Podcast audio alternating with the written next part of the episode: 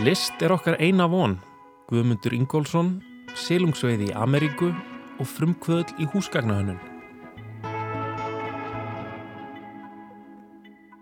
Í Víðsjá í dag ætlum að ræða við Ardísi S. Árnadóttur um verk Sveins Kjarvals sem með sönnu kann að teljast frumkvöðull í húsgagna og innanhúshönnun á Íslandi.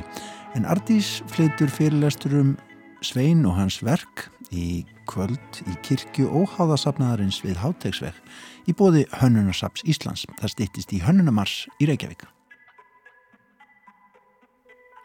Karl Ómarsson, myndlistamæður, segir svo frá sínu uppáhaldslistaverki og myndlistakonan Katrín Inga Hjördísardóttir Jónsdóttir verður tekinn tali um síninguna List er okkar eina von sem nú stendur uppi í síningaríminu Midpunkt í Kópavogi. En fremur verður ljósmyndarinn Guðmundur Ingólfsson tekinn tali en hann blandar saman nýjum ljósmyndum sínum og eldri klassík, ef svo má segja, úr eigin ranni á ljósmyndasýningu í sapnaðarheimili Neskirkju. En það stýttist í Hönnunamars og við byrjum á Hönnun.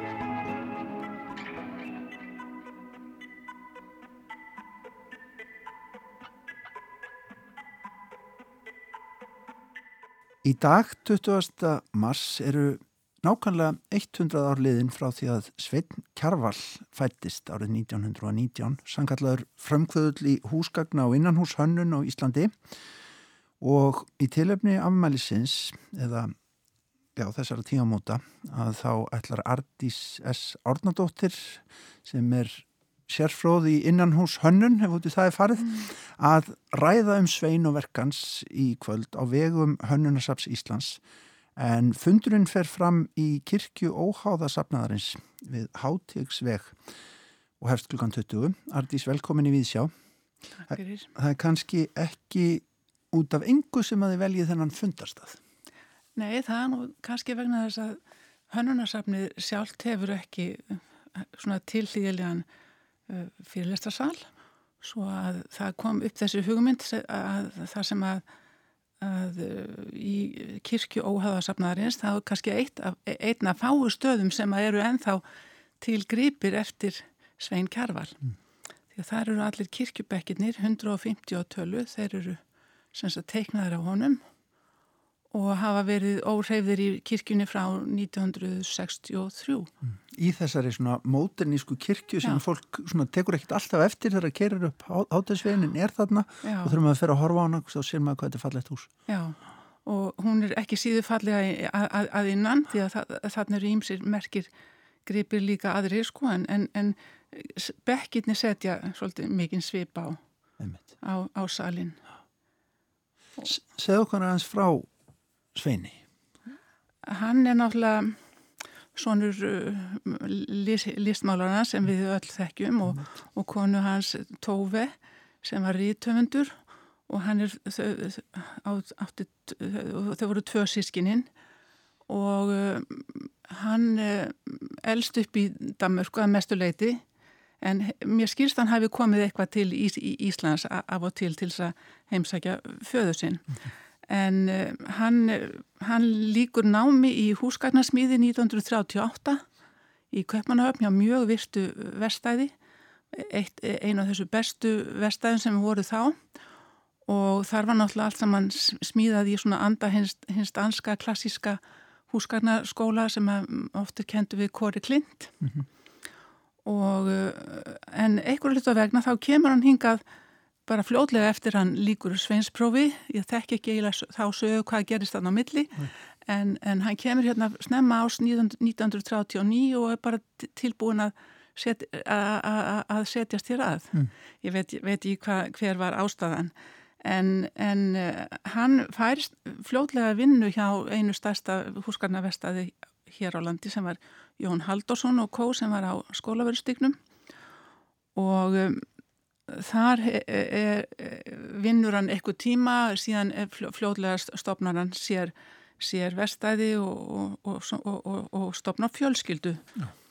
Eh, eftir stríði þá fer hann með fjölskyldu sína til, til Kaupmannahafnar og hefur námi framhalsnámi í, í svona, sem að týðgast eftir, eftir sveinspróf mm -hmm. og það var í kunsthónverkeskólinn, möbulskóli og líkur því 1949 sem, sem svona húsgagna teiknar eða húsgagna arkitekt og, og þau flytjast til Íslands 1949 og þá hefst þessi 20 ára næstu því samfeld sko, samfeldur starfsvettvangur hans hér á, hér á landi. Hvernig var hann tekið? Nú er hann vel skólaður eins og bendir á og kann sitt fag en að komið þessi fótunum sem já, í þessum brans á Íslandi. Já, það hefur örgulega tekið, það tó, tók örgulega smá tíma en hann var kannski, hann, hann var örgulega vel svona liðin greinlega, mjög fljótlega kynnist hann Lúðvík Guðmundssoni sem var skólastjórim handíðaskólans og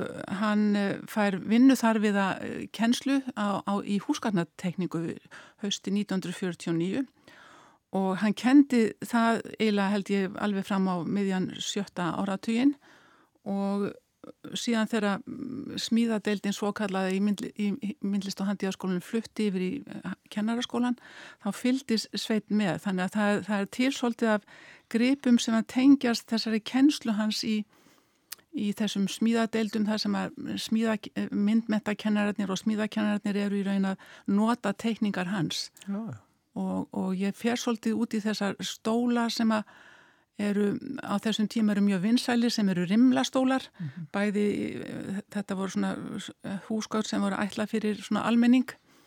Og, og síðan fer ég líka dálítið þegar samvinnu sko sveins við tvö verstæði það eru þá Nývirki HF og, og Sindrasmiðan HF mm því á þessum tveimur vikstöðum þá, þá tek, tekstónum að þróa svona uh, húsgóð sem að fara í einhverja fram, framleiðslu og verða vinsæl. Auk þess að hann náttúrulega eitt af fyrstu verkunum að svara í raun að teikna alla síningaskápana fyrir þjóminasafni sem var að flytja inn í nýbyggt hús þannig 1950 til 52 já, já. og þeir skápar eru enþá í, í fullum fullin nótgun mm og standa sér mjög vel. Já, sko nú nefniru rimlastólana og maður þekkir þennan klassiska stól sem er náttúrulega, ég vil bara kalla það kjarval eða ekki? sem að, eh, þessi allra frægasti? Þessi sem er, hefur farið í endurframlegslu er kallaður litli borstofustólin hann var í hann var í hérna hann var í kaffistofinni Tröð. Já, já, já En, en þessi með, hérna, sem er svona meir eins og hæginda, eða, já, hva, Skeifan. Skeifan, já, já. það er hann sem ég er að tala um líklega, já, sem ég kalla kjærvalstólin. Já, hann var í raun, hann var vinsall vegna þess að hann, hann, hann, það var tiltúrlega lítið framleitt á honum og það var eiginlega fyrst og fremst eftir pöntunum, skils mér. Já, já. Þannig að það fór aldrei mikið, en hann er einn af þessum gripum sem var valin á erlendar stórar síningar sem fóru um, um bandaríkin 1982-83 Er klassík í rauninni. Já, hann er klassík. Og þetta er eitthvað sem stendst að því að hann nefnur náttúrulega sitt fag eins og segir í, í Danmarku Já. og ef maður fer á hérna, hönnunarsafni í Kaupmannahöfn þá er heil stóla deilt þar. Já. og þetta stendst alveg samanburð. Já, alveg, alveg, Já, alveg. Hvað var það sem að Sveitn hafði sem að getur líst í hvað það var sem að náði í sinni vinnu. Er þetta formfegurð eða hvað er það sem að við hérna, Þetta er svona viss, viss einfallleiki, léttleiki en samt er hann svona lífrænt því að hann er ekki öll hans form eru svona meira svona, já, svona lífræn. Þau eru, þau eru þau eru ekki svona bein eins og var það svolítið nokkrum, kannski nokkrum árum setna já. eins og á sjönda áratögnum þá eru þau öll mjög mikið af húsgöldnum sem eru svona frekar ferkönduð já og það var eiginlega fyrst og fremst vegna að það var, það, það var sko ódýrar að framlega slík húsgögn Já. sem voru svona bara einföld að, að búa til í, í vélum uh, eh, húsgögnunars kjærvals eru að, allavega á þessum tíma voru meir og minna svona vélvætur handiðnaður Já. þannig að þetta var svona en, en mjög velgerð og standa tímans tönn eins og maður getur séð vel þannig í kirkjunni þessir gripir eru, eru úr, er úr sem þeir kalla reykt eik eða já, brend eik, er svona ljóst svona og, og þarf kannski aðeins svona að, að, að hressa upp á það, ég er ekki alveg kunnug því. En, en, en standast mjög vel og eru mjög, mjög mjög fallegir síkildi gripir þannig inn í þessari kirkju. Já. Þú nefnir þessi stóru verkefni, uh, kaffestofuna Tröð, Nöstið, Nöstið sem var reyndar, já, já, er. Er því miður ekki með okkur lengur, svo vinna. Við, við, það, það, er, það er eiginlega... Synd og skömm. Það er eiginlega synd, og skömm og ég hef stundum veldið fyrir mig hvað varðum að ég hef, stundu, ég hef verið að skoða ljósmyndir innan úr nöstinu, það er enda mjög erfitt að finna mikið af þeim en allavega hef ég komist yfir nokkrar og, og þar sér maður alveg fullt af stólum og ég veit ekki til þess að það sé neitt, þess, neitt svona stóli í hönnunasafninu ja. þannig að það, það er öruglega margt sem að, á eftir að finna og, og, og skoða betur og og rannsaka betur. Mm -hmm. En já, og svo nefnir uh, bóka, það er líka bókasafnið á, á bestastöðum sem já, er hannað á honum, já. það eru þessir, þessir einrétninga fyrir þjóðminnarsafnið, en svo nautan líka bara hilli á markaði, ekki sagt? Jú, hann sko, hann hafði þessa aðstöðu uh, sérstaklega eftir hann fyrir að, fyrir að leika sér með stálstanginnar og, og formbegða krossviðin og í samvinnu við sindrasmiðuna þá náttúrulega kemur, koma þessi, þessi nútímalegu húsgögn sem eru allt öru efni heldur en, heldur en viðurinn og hann, hann hefur greinlega gaman að því að leika sér með það líka, hann fær sjálfsagt aðstóð þessar sem að voru við vélsmiðuna í Sindra. En, en það svo, svo framlegsla held ég náði tölverðir hilli. Mm. bæði á, á hann átti svo tvo gripi á síningu í París 1958 til 9 og sem urðu mjög svona, var, sem að var tekið eftir já. og hann fekk bóð um að, að, að já, kaupa inn allavega annan stólinn til, til bandaríkjana en það var ekki möguleikja að ís, íslensk verstaði gætu annars slíkri, Nei, slíkri, eftirspurn. Þannig að þetta er svona, þetta er allt svona á kannski svolnum brauðfótum, þannig að þessi fyrstu árs, sérstaklega í byrjun sjötta á, á, ára tugarins, svo, svo smán saman kemst þetta svona í, en hann er, hann er, hann er svo mikil forgöngumadur í þessu og, og auk þess að hann líka stopnar fagfjölög, hann er svona einna stoppfjölögum félags húsgagna og, og innanhúsarkitekta ja.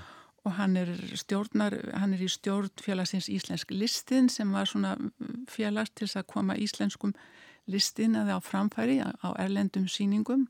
Þannig að hann er líki verkefælisbartunni. Já, hann er, hann er alveg ótrúlega en það má öruglega finna eitthvað meira en ég hef náttúrulega bara mjög takmarka rannsakað verkans ja en það þarf í raun að gera miklu betri og, ítalegri úttekt á því að því það er vitað að hann teiknaði til dæmis mjög mikið fyrir heimili já. þannig að það er kunna líka ímsir gripir sem fólk átt að segja fyrir ekki á já, já. En út í þetta ætlar við alltaf að fara nánar í kvöld í kirkju og háða safnarins við hátæðisveg 56 byrja klukkan 8 Artís, takk kjærlega fyrir komin í vísa Takk fyrir Þannig reyndi Guðni við Ardísi S. Árnadóttur um verk Sveins Kjarvals. Það verður áhugaverðu fyrirlesturinn í kvöld um æfi hans og verk. En þá ætlum við að snú okkur að hinnum vikulega áskorunarleik við sjár. Hver kom til þinn? Herðu, að þessu sinni var það myndlistamæðurinn Karl Ómarsson sem hefur verið búsettur lengi Erlendis sem er tildurlega nýfluttur heim Hann var valinn í síðustu viku af Ólöfu Helgu Helgadóttur sem er líka myndlistakona en Karl hann valdi sitt uppáhaldslistaverk en það var ekki myndlistaverk. Það var ágætt.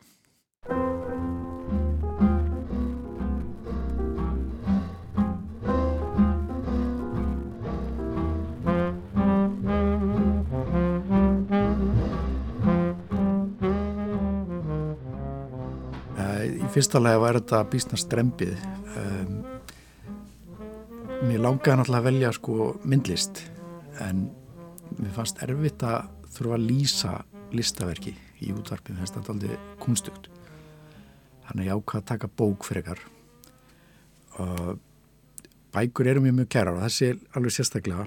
Það er sérstaklega bókin Silungsveið í Ameríku eftir Richard Braudigan uh, ég fann hana á bókamarkaði þegar ég var táningur.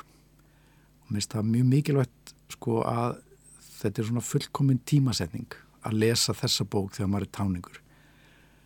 Hún er, er mjög svona viðegandi fyrir þannig aldur held ég. Síðan þegar maður lesa hann aftur síðar þá upplifa maður svona sömu undrun og gleði einhvern veginn og maður upplifið þá sem táningur. Því að þarna var ég fyrsta sinna að lesa bók eins og þessa sem er uh, hún er ekki með svona línulega framvindu til dæmis. Hún er mjög svona abstrakt. Og títillin Sílundsveið Ameríku, hún er fjallan að nokkru leiti um Sílundsveið Ameríku. En Sílundsveið Ameríku eru líka bara orð sem eru notið í bókinni eins og munstur. Þetta er nafn á karakter í bókinni. Þetta er nafn á fleirin einum karakter í bókinni. Þetta er nafn á hóteli sem að kemur við sögu í bókinni og, og þetta er bara dúka svona upp í hverjum kabla fyrir sig þannig að hún er svona einhvern veginn þessi bók er bara svona ástand sem maður fyrir í. Og það er sko, það var geggið að lesa hann alltaf á þessum aldri. En það er líka mjög gaman að lesa hann aftur setna. Sko það er þetta að segja hún fjallar um Sílunsveiði Ameríku. Eh, hún fjallar um veiðferð hún fjallar, það eru æskuminningar. Og þannig hún er mjög svona hún er það eru mikla fantasýr í bókinni en hún er líka sko mjög niður njörfið í raunveruleikanum það er mjög, þetta er mjög svona raunverulegt ástand sko. þannig að þessi svona surrealism er bara svona eins og, og þunn slikja bara á raunveruleikanum sko. það er svo kraftmikið þetta er ekki bara eitthvað svona sko, það er ekki alveg farið með híminskautum í einhverjum, einhverjum fantasíu heldur er þetta bara svona hluti af veruleikanum og lýsingar á bara veiðiferðum og síðan eru svona hliðaspor í frásögninni sem að koma manna óvart og opbáslega mikið af svona ríkum smáatriðum úr raunveruleikana sem að verða skrítin með þessari fantasíur þannig að þetta er ofsalega góð blanda einhvern veginn. Tekstin er bara eins og sko áferðið eða eitthvað sem að maður gengur inn í sko. Og það er opbáslega þegar maður lest þannig bóki fyrsta sinn að að maður hefur ekki, sko, höfundun er ekki að leiða manna inn í nýðustöða neslík, sko, maður er aldrei á eigin vegum einhvern veginn. Og minnst það mjög uh, það eru listaverk sem ég kann að meta þegar maður fær, þegar sko lesandin eða viðtakandi fær sjálfur plást til að að einhvern veginn að gera verkið að sína, skiluru og svona tílengar sér og þess vegna líka gaman að lesa aftur, skiluru, því maður hefur breyst þegar maður lesa aftur sjálfur og en maður er að lesa sumu bók og maður svona maður finnur sjálfa sitt aldrei fyrir í henn aftur og, og síðan sér maður eitthvað sem hefur breyst kannski líka.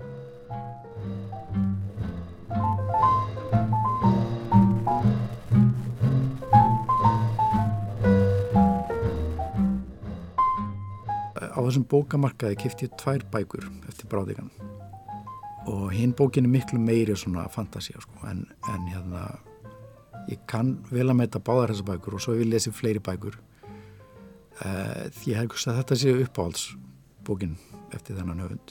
Hann lendir aldrei svona á milli kynnslóða í bandaríkjum hann er svona, hann, hann er verið nefndur sem sko síðasta bítskáldið eða, eða fyrsti hippin.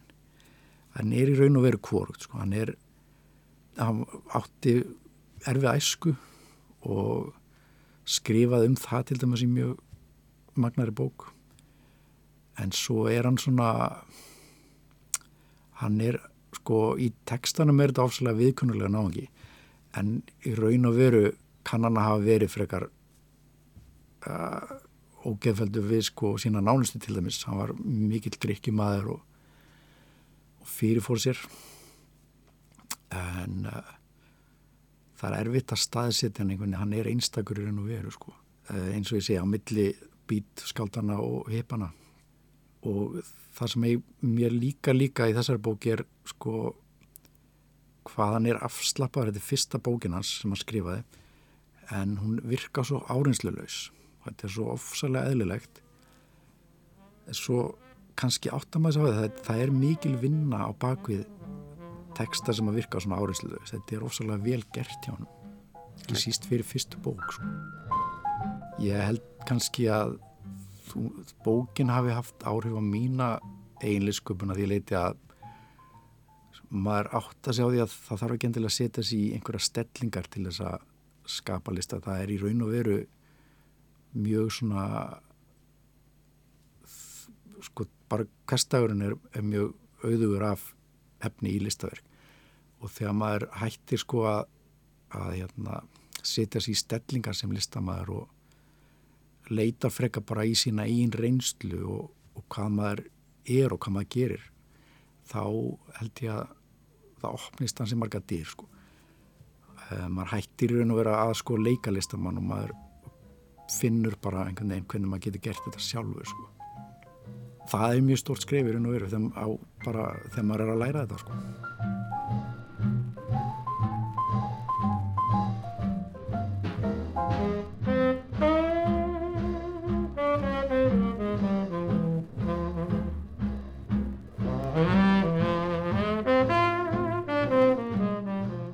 ég ætla að skora á Birgi Sigursson sem er rafvirki og myndlistamæður og fagukeri.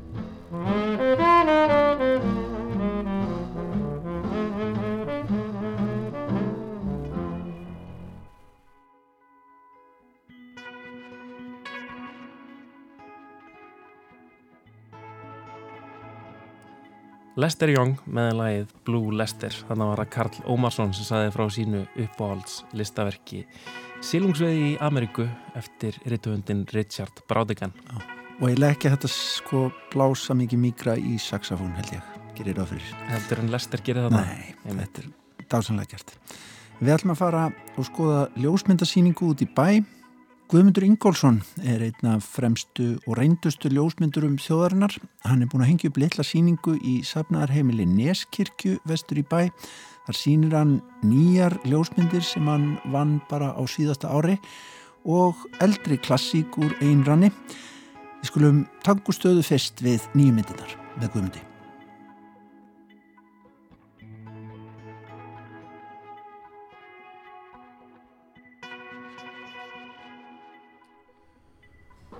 Það er hérna ný sirpa ljósmyndum sem ég tók í fyrirsamar. Íginlega uppdegin að því að hérna, þeir erlendu ferðamenn sem kom til Íslands og reyndar Íslandinga líka, mm.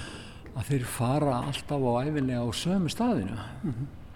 uh, Sifús Eymundsson, þegar hann fór í fyrstu ljósmyndaferðina, mm. þá fór hann á svipaða staði, en hann, hans samgöngur voru á öðruvísi, -hmm. þannig að ímislegt sem að menn uh, ljósmynduð meðan þeir voru á hestbakki eða gangandi, það er horfi núna sem kenniliti mm. Sifus ljósmyndaði á Gullfoss geysi en hann kom við í Marardal en hann ljósmyndaði líka í Reynisfjöru mm. þannig að sko á marganhátt þeir sem koma núna til ljósmynda á Íslandi þeir eru að fara á sömu gömlu slóðirnar mm. en það vest að er að þeir ljósmynda eiginlega bara þessa förstu punkta og við erum að sjá myndir af þeim öllum aftur og aftur og aftur og aftur og aftur. Alltaf sömu sjónarhóðni Alltaf sömu sjónarhóðni og sömu myndir þar. Svo í fyrra þá fór ég og sagði nú keirir bara þessa leið sem þau fara flestir austan á Hotnaferði og, og vestur á Snæfisnes og sér hvort þú sjáur ekki eitthvað nýtt. Já. og það er allstar landslag á öllu tægi sem er næstum því er aldrei ljósmynda ef þú sé ljósmynd það sem að landbrótshólanir skipta einhverju máli? Eða mýrdalring eða náttúrulega þyrli kvalfyrði sem enginn keirir fram hjá lengur og þeir fáu sem keirir fram hjá þeir líti ekki upp. Ja. Ótrúlega björg í honum sem dregur hérna fram. Þetta eru staðir sem að menn ljósmyndi gæta áður fyrir þegar þetta ferðast hægar. Já, við förum á frætt Við förum á frætt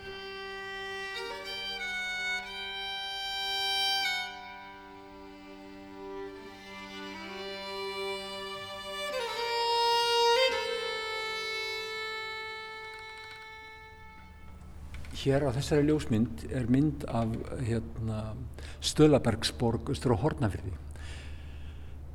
Þetta er aðeins innan við Stórlá og þjóðleið þeirra sem fóru gangandi og ríðandi lág fram hjá þessum klettum. Og ef þú skoða sérstaklega fræga ljósmyndabók eftir þjóðurja uh, sem, ja, hún heitir Ísland til óþekta, gefin út 30 og fjögur eða fimm Fred, nei, hvað heitir hann? Nei, var ekki, þetta var undan Erhard ja. og hann hétt Walter Hering hét hann var sko prómóter fyrir myndavíl sem þá var í tísku hitt Rolleiflex ja. og hann hafði, átti eigið forlag sem hitt uh, uh, Walter Hering forlag og hann ferðast um Ísland og ljósmyndaði og í þessari bóku líka fróðleikar um hvernig hann myndaði og eitt eitt stjörnu, einn stjörnumyndin er einmitt að þessari klettaborg. En nú er sko orðin 700 metra gangur að og skórætt á milli. Og þó, og þó þessi fossa sirpa hérna uh, já, á bakvið já, stalla, þetta sér engin lengur. Nei, nei, nei. Þetta er svona stað, típisku staði sem allir, allir hafa glemt bara.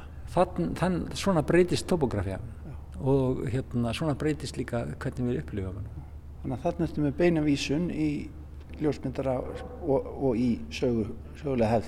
Já og líka er ég að hafa til þess að nú, semst, við horfum bara á veginn og klísjustæðina. Mm -hmm. Þurfum að vika í samtöldarhengin? Já, já, ferðast aðeins hægar. Mm -hmm.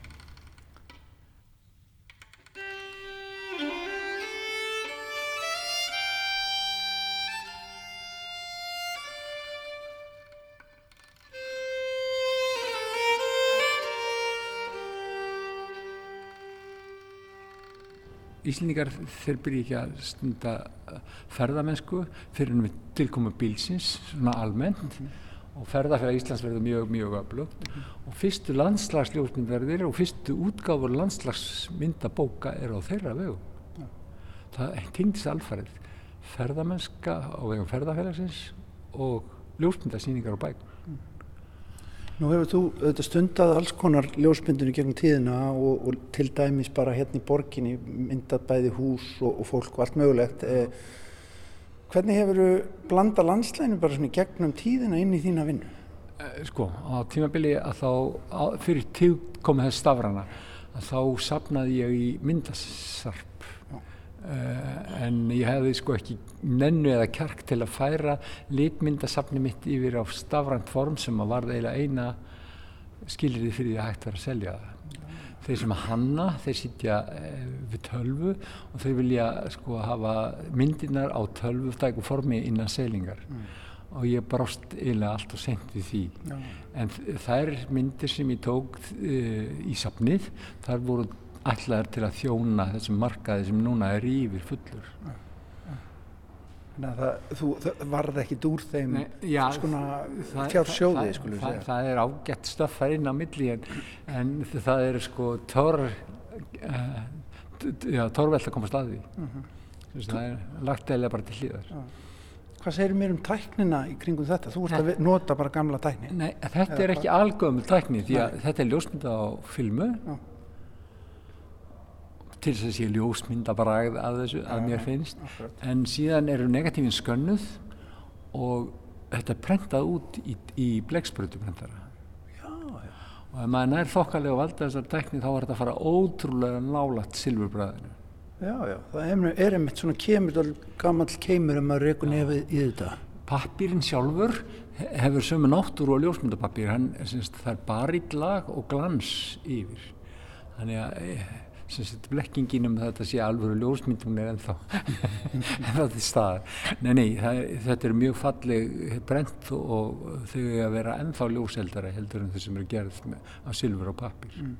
En ertu enn að nota gamlu gömultæknina líka? Já, já. Allt, allt í bland? Allt í bland. Já. Og digitalið auðvitað? já, já. Það er engin ljósmyndar í daginn ef maður nýjast tækni. Nei hugsaðu ykkur hérna, útvarp eða sjónvarp án staðræðnum tækni, ja, það verður útilokkað. Við erum alltaf að tala hér í, í 0 og 1. Í 0 og 1. Já, við erum að tala saman, digital.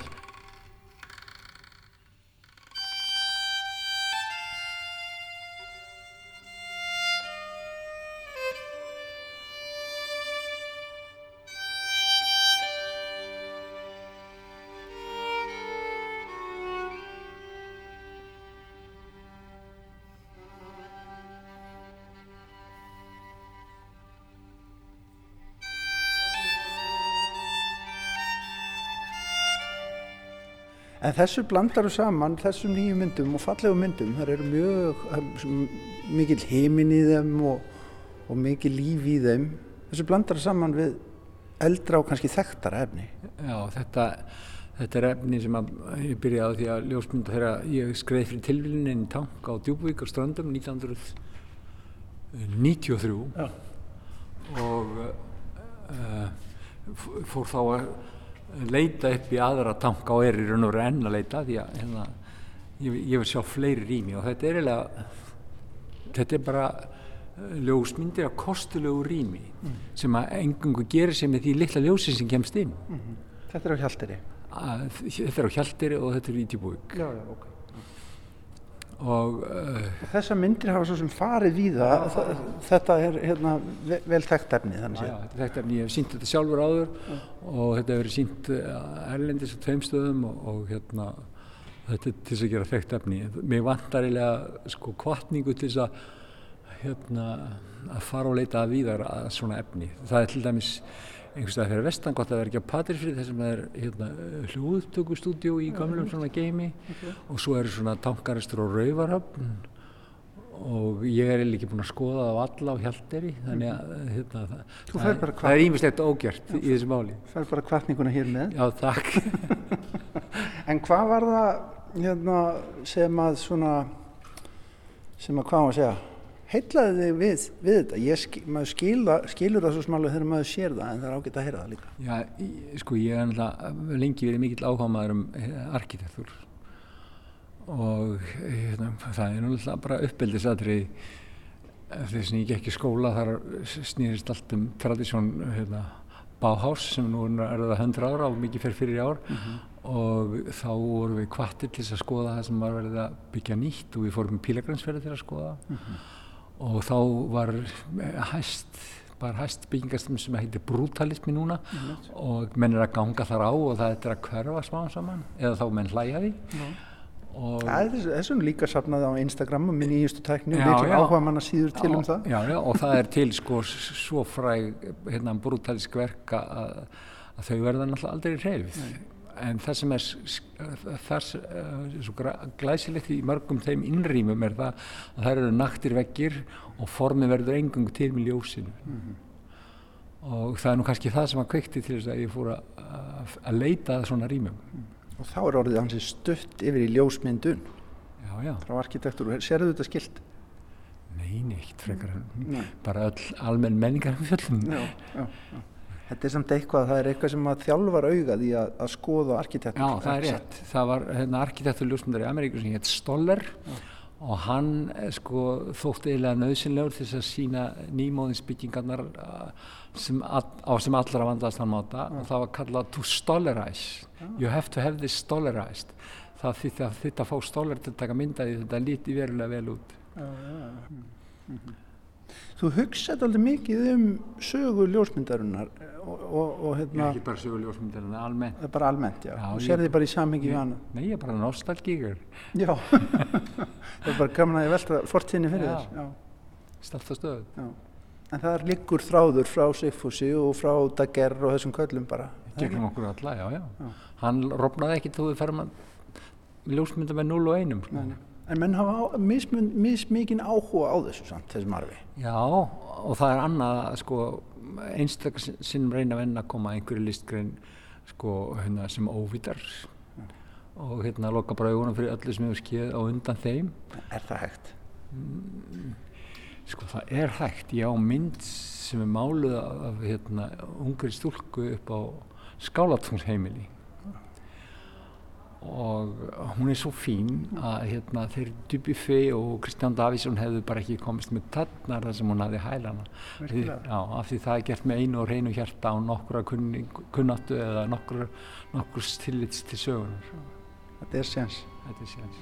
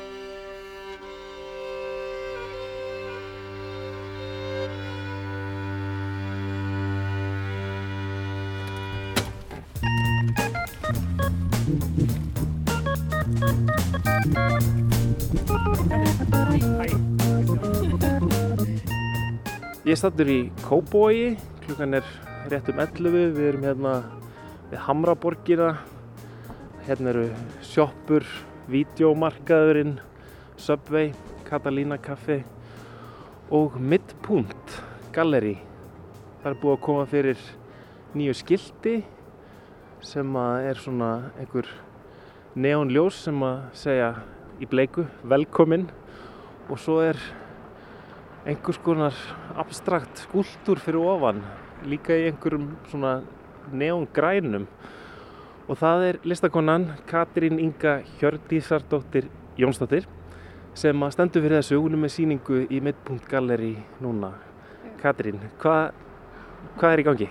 Takk fyrir að koma, velkomin. Takk. Um, Já, ég er með síningu hérna í Midpunkt sem heitir Listur okkar eina von. Og hún er staðbundin.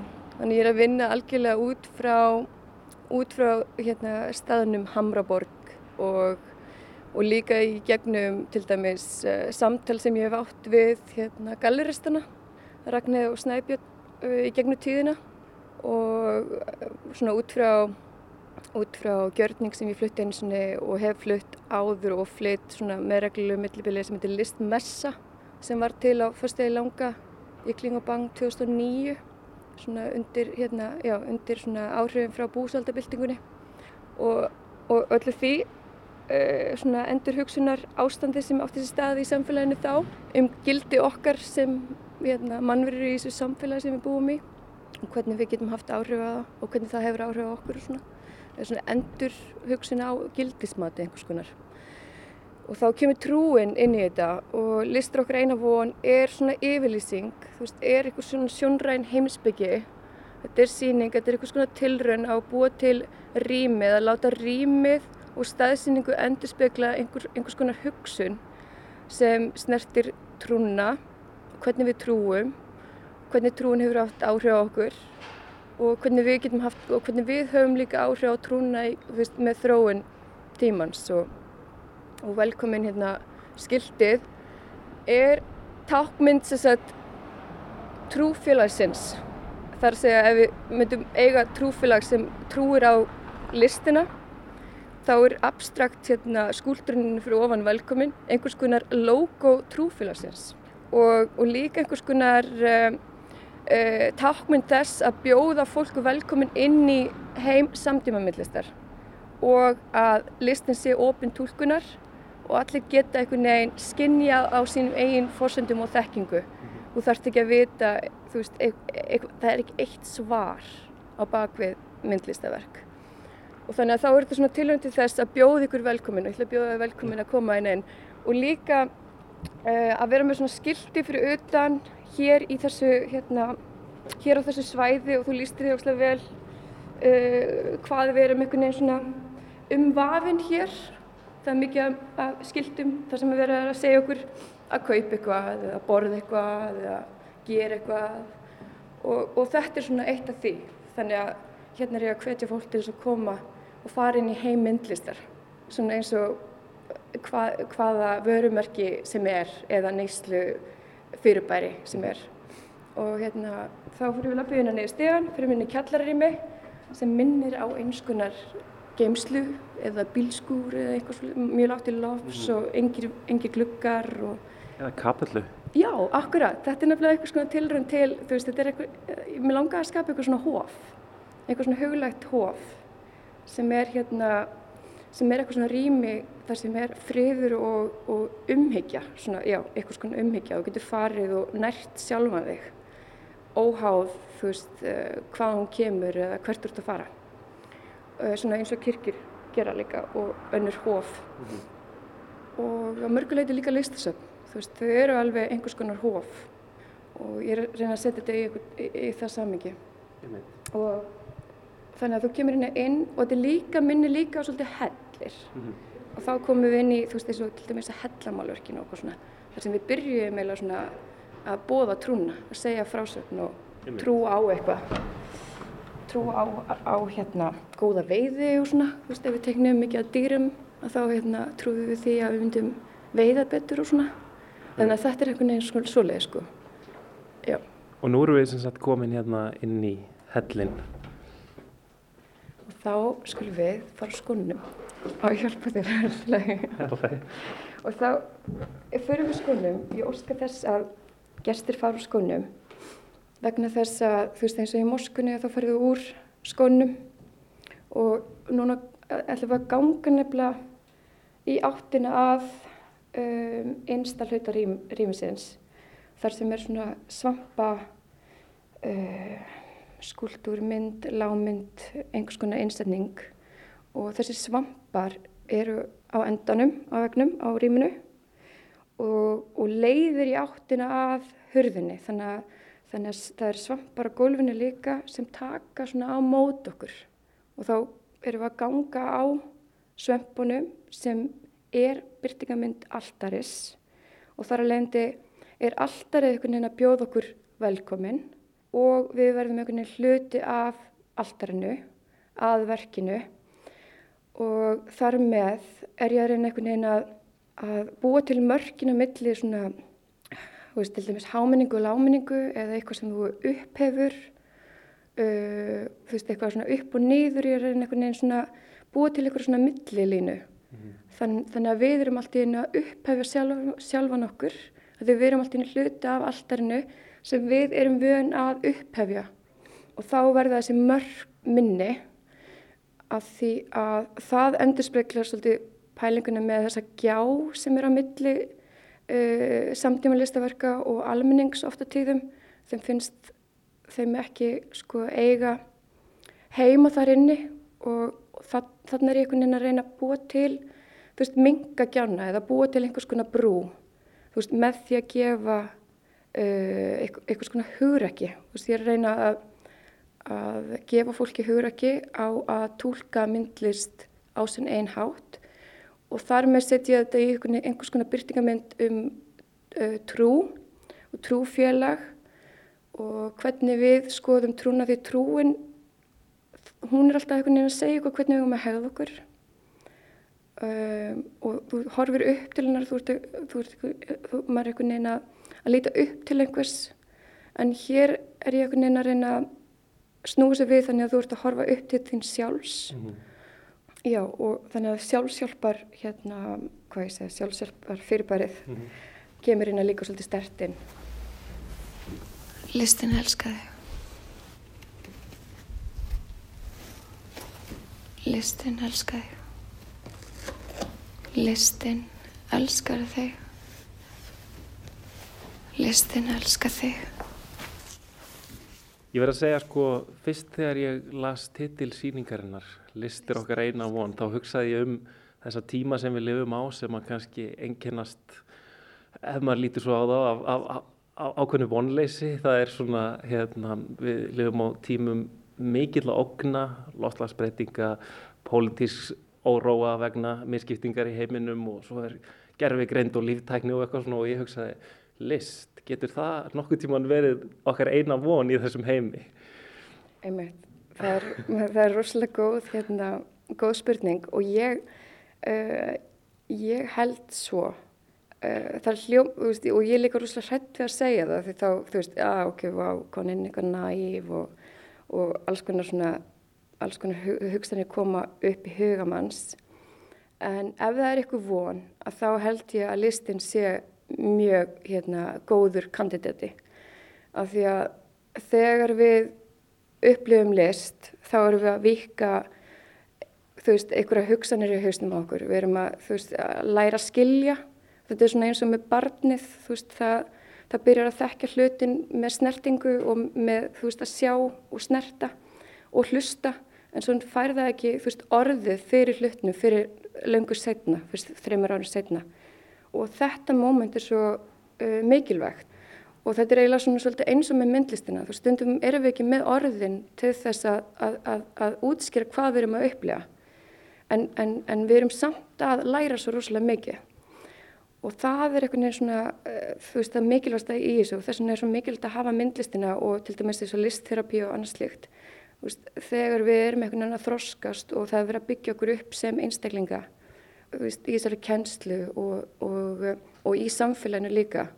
Þetta, og, og í sjónvarpinu veist, og í útarpinu og þetta þarf einhvern veginn að vera veist, í kringum okkur, alveg eins og auðlýsingarnir eru í kringum okkur, fréttinar eru í kringum okkur, allt annað er alltaf í kringum okkur og þá er svo mikilvægt að hafa listinana líka mjög hérna sjáanlega og áþræðanlega og það er svona fyrst og fremst líka það að, að fólk ger sér grein fyrir því að, að það á líka heimi inni, alveg eins og bara, þú veist, listin á heima í öllum öðrum, mm -hmm. veist, veginn og og þegar við erum að upplega, þú veist, vonin er einhvern veginn í listina því að, að því við lærum að skilja og það verður til sko, því þegar fólk veit ekki einhvað og er eitthvað svona þekkingaleysi, veist, eins og með fordóma eins og við erum að upplega núna kakart flótamennum sem komum til landsins og, og þurfa að ganga í gegnum alls konar skilningsleysi fólks og, og ílsku og þú veist, það er, já, að þá, þú veist, er þetta yfirleitt eitthvað svona þekkingaleysi sem býr til óta hjá fólki. Og eins og með myndlistina að ef þú þorir og lærir í gegnum og sjá, mynd, sjá heiminn og sjálfnaði í gegnum myndlistina þá býr það til veist, einhvern kraft einhvern, eitthvað superpower til þess að berast í gegnum annan óta mm -hmm. sem skapar ílsku oft á tíðum og, og fordama Þú skiptir máli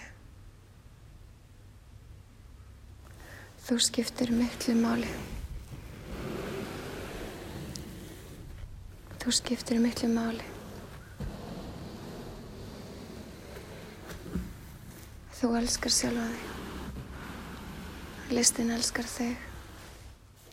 Þetta verk er ymitt uh, einhver tilraun þú veist að vinna með hana kærleika og, og þú veist einhvers konar áhrif frá kærleisbyrnunum kannski að einhverju leiti þú veist þannig að við getum skoti bara einhverju svona hérna, einhverju ást og kærleika út í heiminn og þá þú veist dreifist hann mm -hmm. og þú mhm. getur sigrað með hérna og þá er líka einhver svona 1960 einhver heipa stemming í þessu líka uh, Make Love and uh, Not War og alls konar og líka bara eins og þú veist hérna Yoko Ono og hérna John Lennon þau voru að mótmæla stríðinu þú veist, í Vínam upp í rúmi. Mm -hmm. Þannig að þú veist, mýktinn kemur líka frá svo mörgum stöðum og ég hef aldrei síðan einhvern veginn í alltarinu og þess vegna langaði mig einhvern veginn að, að setja mýktinni í alltarið.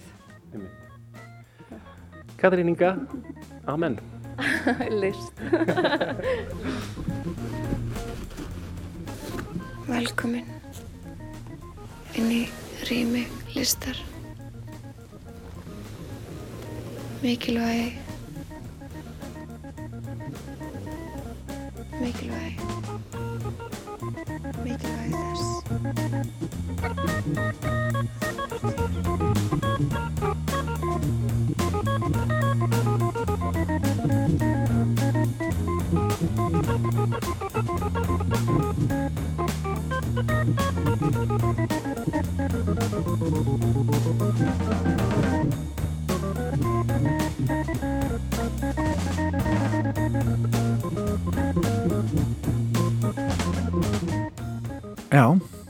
þetta var orgel þannig á eftir Katrinu, hvaða músik er þetta?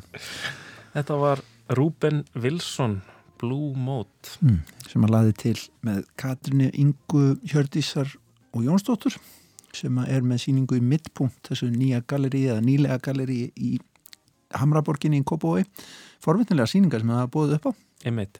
Og Katrín vildi leggja sérstak áherslu á það að e, á lögadag þá er hún hérna og fólk geti komið og, og kíkt á síninguna og spjalla við hana. Já. en svo er hún á leiðinni til Berlínar.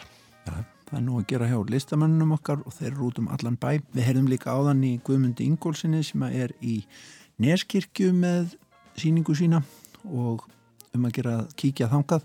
Svo er þetta að fara í annina kirkuna, óháðasöfnuðin sem við fjöldum um áðan, þar sem að Ardís S. Árnadóttir ætlar að fjalla um Svein Kjarval og verk hans í kvöld klukkan 20 um að gera að kynna sér þá hönnunar klassík íslensku. Þetta var svolítið kirkjutengt hjá okkur í dag. Já, vorum á ekki trúarlegum nótum en kirkjutengtum nótum. Svona á kirkjutröppunum, skulum við segja. Og hún hefur náttúrulega trú á listinni. Hún hún Katrín Já, einmitt, þetta bara e- eru trúabröð okkar, vill hún meina Allt smelt passar þetta í vísjá En takk fyrir að hlusta og geta hlustandur. Við þakkum fyrir okkur í dag. Já, verið sæl.